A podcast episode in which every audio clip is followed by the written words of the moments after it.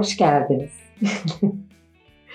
Şimdi düğün ge- ge- yaza dönük konuşacağım. Çünkü yazın biraz yoğun geçti. Daha önceki bölümde de bahsetmiştim hani yaza geri dönük birkaç şey paylaşacağım diye. Düğünleri ben severim bu arada. Her ne kadar hani buradan böyle çok modern duysam da geleneksel taraflarım var. Düğünlerle ilgili notlarım e mesela Amerikan düğünlerinde çift birbirine bir yemin yazar ve o yemini düğün sırasında insanların önünde okur. Bu benim hoşuma gider mesela.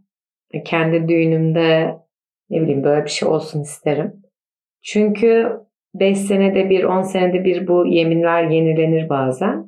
Bence dönüp o kişiyle nereye geldiğiniz, nasıl başladınız önemli yani hani benim için. Güzel bir o değişimi görmek yani güzel olur gibi geliyor. Çünkü yani şirket hep şirkete benzediyor farkınız, farkındaysanız. Bence hiçbir fark yok bu arada. Tabii ki yani nasıl işinizi sevmeniz gerekiyor. Evliliğinizi de sevmeniz gerekiyor ama işte mantıklı olması gereken bir taraf var. Çünkü bu bir yönetim. Hatta bakarsak bir ortaklık aslında %50-50. İş dünyasında ya da startup dünyasında olanlar bilir. %50-50 yatırımlara kimse yatırım yapmaz normalde çünkü risklidir. Bir tarafın sözü geçse çünkü daha kolay olur.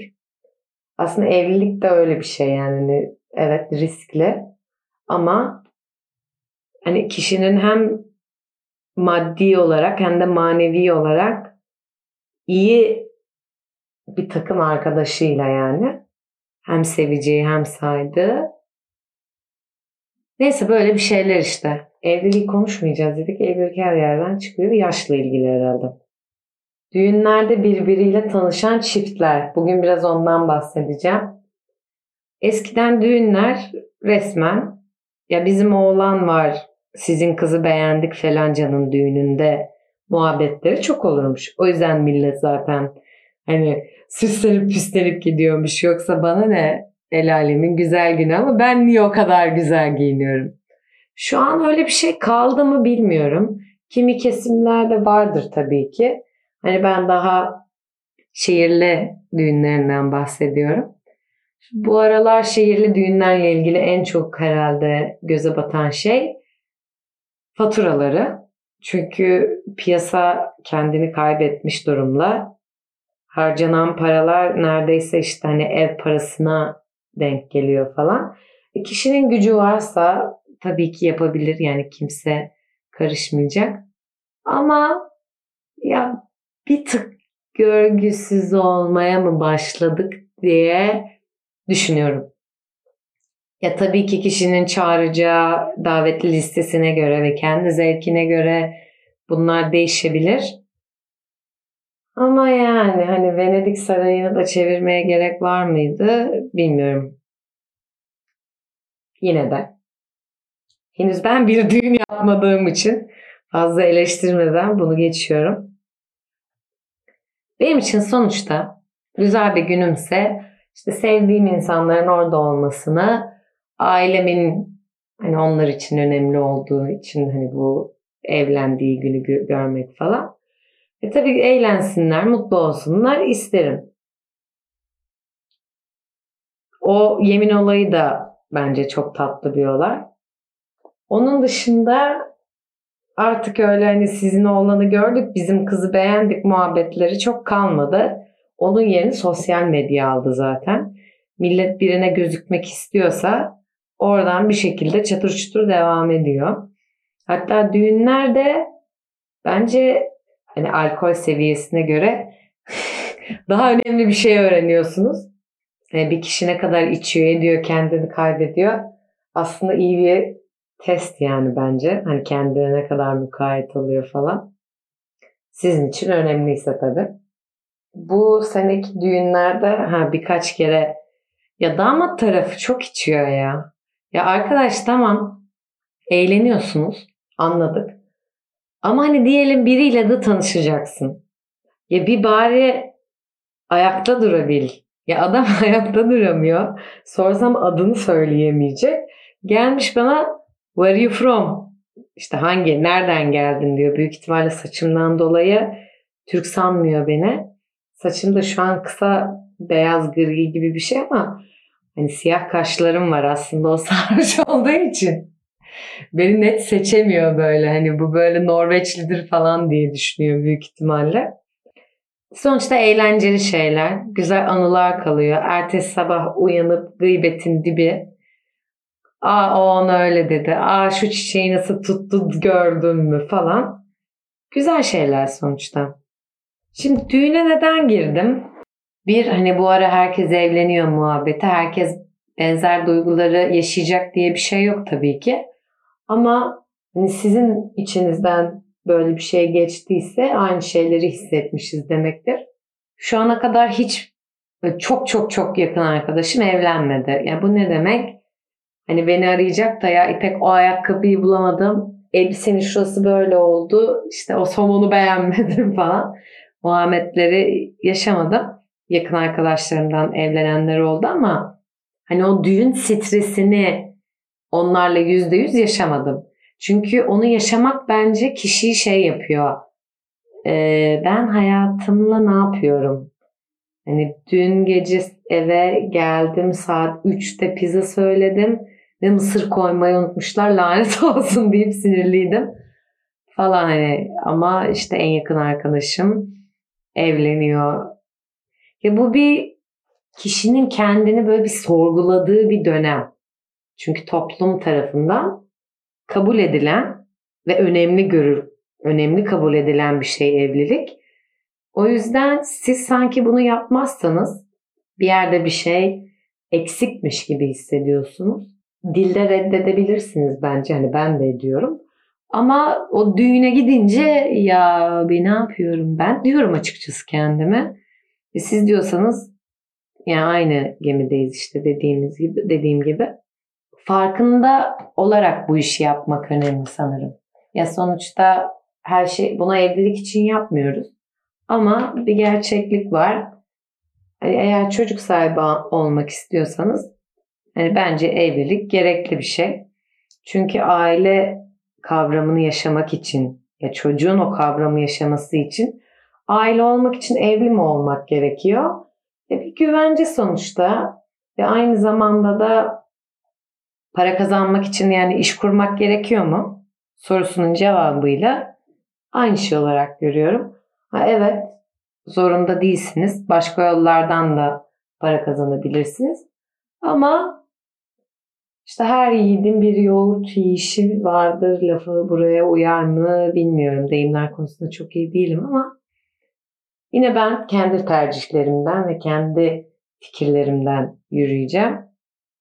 Şimdi zaten kişilerin çok daha rahat evlenmesinin sebebi rahat boşanmaları. Çok tatlı bir konu değil biliyorum. Ama eminim etrafınızda şu ana kadar 10 kişi evlendiyse 2-3 tanesi belki daha fazlası boşanmıştır. Seçimleri daha bilinçli yapmamız gerekiyor. Çünkü bizim jenerasyonumuz 25 ve üstünden bahsediyorum. Hani bu ara evlenebilecek diye yoksa 6 içinde geçerli. Ne annelerimiz kadar ne babalarımız kadar anneanne babaanne kadar zaten sabırlı değiliz. Yani iş bireysel bir şeye girdiği anda, bir, bireysel bir sıkıntıya girdiği anda yok canım ben benim canım kıymetli. Ben hani senle bu işi yapamayacağım. Direkt avukat aranıyor. Bu arada bu olayı hani böyle küçümsemek için söylemiyorum. Daha önce yaşamadığım bir şey. Eminim kişi çok fazla şeyi düşündükten sonra boşanma kararını almıştır. Hani kimse boşanacağını bilerek evlenmez. Bu zor bir karar ve bazen travmatik olabilecek bir karar. Burada boşanmayı yaşamış insanları küçümsemiyorum ya da işte bunu yanlış yaptınız falan tarzında bir şey söylemiyorum. Sadece söylemek istediğim boşanmak artık kolay bir şey olduğu için çünkü kadının elinde bir bağımsızlık var. O yüzden hatalardan daha erken dönülüyor. Bugün konuya düğünden girdim. Ama asıl konuşmak istediğim konu kadınların oy hakkını, Türkiye'deki kadınların oy hakkını nasıl kazandı? Çünkü bu iş boşanma hakkıyla da bağlantılı. Hani bir zamanlar bir kere evlendikten sonra boşanamayan bir Türk kadını vardı. Şimdi o Türk kadınına bir dönün bakın istedim. Muhabbeti yapacağım. Yürümüyorsa boşanın arkadaş. Arada zaten çocuk yoksa olabilir. Yanlış bir karar vermişsiniz. Herkes kendi yoluna yani diyecek bir şey yok. Dünyanın sonu değil sonuçta. Şöyle başlıyor her şey. Biraz Osmanlı tarihi biliyorsanız fikriniz vardır. Bilmiyorsanız küçük bir özetle 1890'ların sonuna doğru yani Osmanlı zaten bir çöküş döneminin sonlarında Türkiye'den yani bugün dediğimiz Türkiye'den bir sürü işte Fransızca bilen aydın kişi Fransa'ya gidip Batı medeniyeti nasıl kendini geliştirdi? Batılılar nasıl yaşıyor? Özellikle sosyal hayatta, gündelik hayatta, iş hayatında giyim kuşam nasıl konuşuyorlar? Bunları incelemek için Jön Türk denilen kişiler Avrupa'ya gönderiliyor. Bunların içinde kadınlar da mevcut. Onlar da Fransızca öğreniyorlar. Batılı kadınlar nasıl giyiniyor, nasıl oturup kalkıyor, dans ediyor bunların hepsini takip ediyorlar. Ve Osmanlı'ya döndüklerinde İstanbul'a bunu etraflarına yayıyorlar. Kılık kıyafetleri, konuşma tarzları buna göre değişiyor. Fransızca öğrenenler hatta kendini daha da geliştirip yerel gazetelerde yine bu takma isim muhabbetiyle yazı yazmaya başlıyorlar. Şu an mesela haftalık dizileri nasıl takip ediyorsak o dönemde de Osmanlı'da jurnaller var. Jurnallerde her hafta çıkan öyküler ve bu öyküler halkın tepkilerine göre aslında şekil alıyor. Bu ne demek? Mesela bir karakter var. Yazar hikaye sırasında karakteri öldürüyor. Eğer diyelim çok fazla tepki çekerse bir sonraki hafta diriltiyor falan karakteri. Yani böyle yazarla okuyanlar arasında gelişen dinamik bir şey. Kadınlar aslında sadece iş hayatında değil, sanatta da yani ürettikleri, yaratıcı oldukları alanlarda da yavaş yavaş alan sahibi olmaya başlıyorlar. E tabi bu da yanında daha fazlasını istiyorlar. Bu da ne demek oluyor? Seçme ve seçilme hakkı. Çünkü bu dönemde Osmanlı zaten parçalandı ve ortaya yeni bir yapı çıkacak. Kadınlar da bunun içinde söz hakkı sahibi olmak istiyorlar. Bunun için yapılan ilk hareketlerden biri zaten eğitim hakkı. Eğitim görmek istiyor bu kadınlar kendi kendilerini ifade etme hakkı, çalışma hakkı ve poligami. Ya çok eşliliği bırakmak istiyorlar. Bir tane eşim olsun. Benden başka biriyle evlenemesin. Bu bahsettiğimiz dönem e, kendimi düzelteyim 1870'ler. Daha sonra 1900'lerde bakın aradan 30 sene geçiyor. Az değil. Aslında bugünlerde ya hatta tarih derslerinde bize öğretilen reformcu ekip bildiğimiz kadar modern değil. Bugün, de, bugün dediğimiz kadar batılı değil. 1900'lerin başında kadınların siyasete ve yönetime girmesine sıcak bakmıyorlar.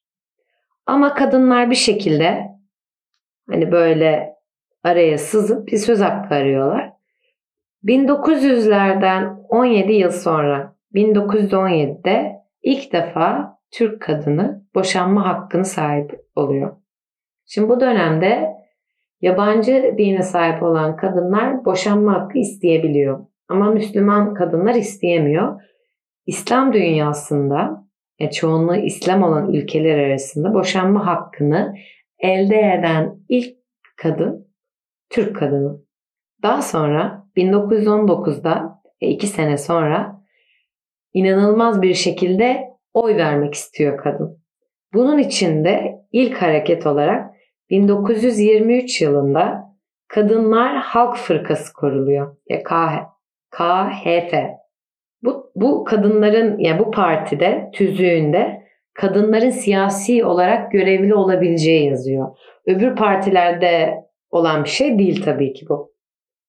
İtiraz ediyorlar buna. Kadınların girmesini istemiyorlar. Yani bu tarihte araştırırsanız başka sebepler de çıkacaktır. Ama sonuçta böyle bir istek var ama kabul edilmiyor. Sonucudur bunun.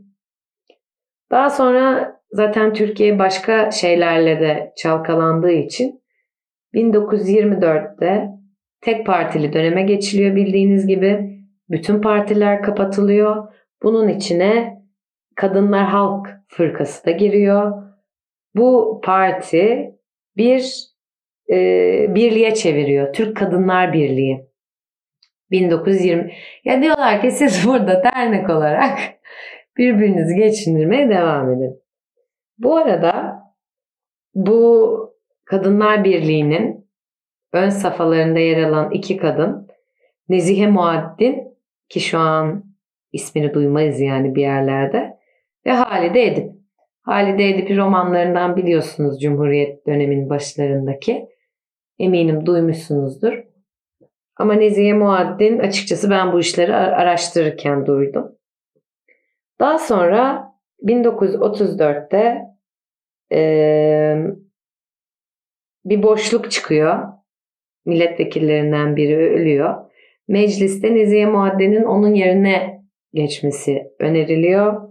Ve gel gelelim ki 1934'te yaklaşık 64 senelik, 65 senelik bir mücadeleden bahsediyoruz.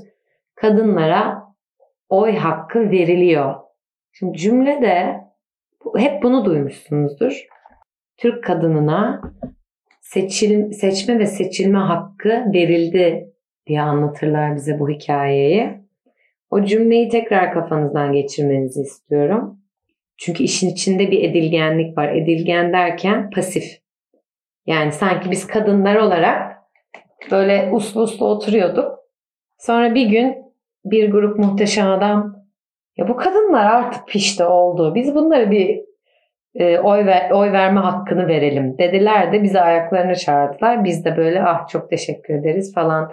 Hiç aklımıza gelmedi bu bizim. Siz nereden düşündünüz de bize oy verme hakkı verdiniz yani. Çok müteşekkir olduk falan. Bu bu demek. Kimse böyle gümüş kaşıkta falan kadınların önüne seçme ve seçilme hakkını vermedi. Burada 64 senelik bir mücadeleden bahsediyoruz. İsimlerini bile bilmediğimiz kadınlardan bahsediyoruz. Jurnallerde yazan, şirketlerde, fabrikalarda çalışan resmen tarihi bize yeniden yazdırıyorlar ve toplumsal hafızayı bu şekilde yok ederek sanki biz hiçbir şey için mücadele etmedik de hani onların aklına geldi bize ya bunu tekrar ediyorum çünkü ilk okuduğum yani bunu, bunu ilk okuduğumda hakikaten çok sinirlendim. Bu, bu bize niye böyle anlatılmadı?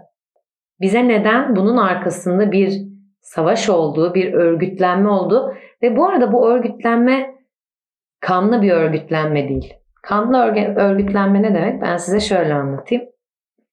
Her sene kutladığımız 8 Mart Dünya Kadınlar Günü'nün aslında çok üzücü bir hikayesi var. 1857 tarihinde New York'ta, Amerika New York'ta bir dokuma fabrikasında işçi olan kadınlar çalışma koşullarından memnun olmadıkları için bir protesto yapıyorlar. Çok şey detayını bilmiyorum çalışma koşulları ile ilgili. Hani öde, parayla mı ilgiliydi, e, saatlerle mi ilgiliydi. Ama sonuçta bir memnuniyetsizlik var ve o, o dönem zaten hani işçi hakları falan gırla gidiyor. Ayaklanıyorlar. Polis işçilere saldırıyor. Sonra bunları fabrikaya kilitliyorlar ve bir yangın çıkıyor fabrikada. Bu yangından barikatlar yüzünden kurtulamıyor ve yaklaşık 120 kadın içeride ölüyor. 8 Mart 1857 120 kadın daha iyi koşullarda çalışmak istedikleri için yakılarak ölüyor. Bir kutlama gibi gözükse de aslında emekçi kadınların bayramı ve internete girin hani bununla ilgili daha fazla bilgi de şey yapabilirsiniz, toplayabilirsiniz. Zaten hani benim her sene söylediğim bir şey var. Her gün bizim günümüz. Hani yine bu 8 Mart muhabbeti işte yukarıda bir grup adam var. Ya kadınlar da bir gün verelim. Yani bugün de böyle bir, bir yer, birkaç yerden indirim alsınlar. İşte bir yerde bir yemek yapıyor. Bu, bu tamamen yani bize inandırılmasını, bizim inanmamızı istedikleri bir hikaye diye düşünüyorum. 1917'de boşanma hakkını söke söke alan kadından bahsediyoruz. Bir kadın topluluğundan bahsediyoruz. Yani ortada bize hiç bahsedilmemiş, anlatılmamış bir şeyler olmuş. Bu tarihte çok olan bir mevzudur. Derler hatta tarih kazananlar tarafından yazılır diye. Ama bunu bilmek yani bir kadın olarak bu hakkın verilmediğini, elde edildiğini bilmek bana açıkçası özgüven veriyor. Tabii ki ortada bu saklandı diye bir şey yok. İnternete yazdığınız zaman çıkıyor hepsi. Ama erkeklerin bu tarz şeyleri neden ulu orta konuşmadığını bilseler bile anlıyorum. Çünkü böylesi daha kolay. Ya karşınızdaki duruma bilmiyorsa, haberi yoksa kuralı kendiniz koyuyorsunuz ve kadın oturup sanıyor ki vay ben niye boşanıyorum, ben beceriksiz miyim bilmem ne. Tabii ki bu durumu suistimal eden kadınlar da var. Şimdi nafaka, nafaka durumu konuşuluyor. Biz birkaç tane dayı çıkmış. Evet biz niye işte kadınlara bütün ömür boyunca para veriyoruz falan diye. Abicim sen istemedin mi kadının evde oturmasını? Ya bir kere öyle bir tepki veriyorsa zaten sen belli ki o kadının evde oturmasını istemişsin. Kafa yapımı belli. Şimdi kalkmışsın ömür boyu çalışmamış bir kadına 50 yaşından sonra kalk kariyer yap, kalk istediği gibi yaşamaya devam et falan bunlar yani hani işine gelince konuşan tipler. Sessiz olun sevgili kadınlar. Zaten dinleyicilerimin %60 falan kadın. Çok yani şaşırmadık. It's okay. Problem değil. Bir sonraki bölümde bu evlilik olayı falan sıktı beni. Biraz daha fazla evlilik konuşmak istemiyorum. Sadece dediğim gibi bu, bu dönem çok böyle düğün müğün böyle ileriyi hani gelecekle ilgili çok fazla şeyi bende düşünmeyi sebep oldu. Aşk gerçek midir yoksa bir ilizyon mudur? En sevdiğimiz konu aşk olduğu için. Bu arada aşk olmayı sevdiğimiz için. O zaman şöyle kapatıyorum. Başka bir candan parçasıyla ben böyle olduğum için var. Kendinize iyi bakın. Bir sonraki bölümde görüşmek üzere.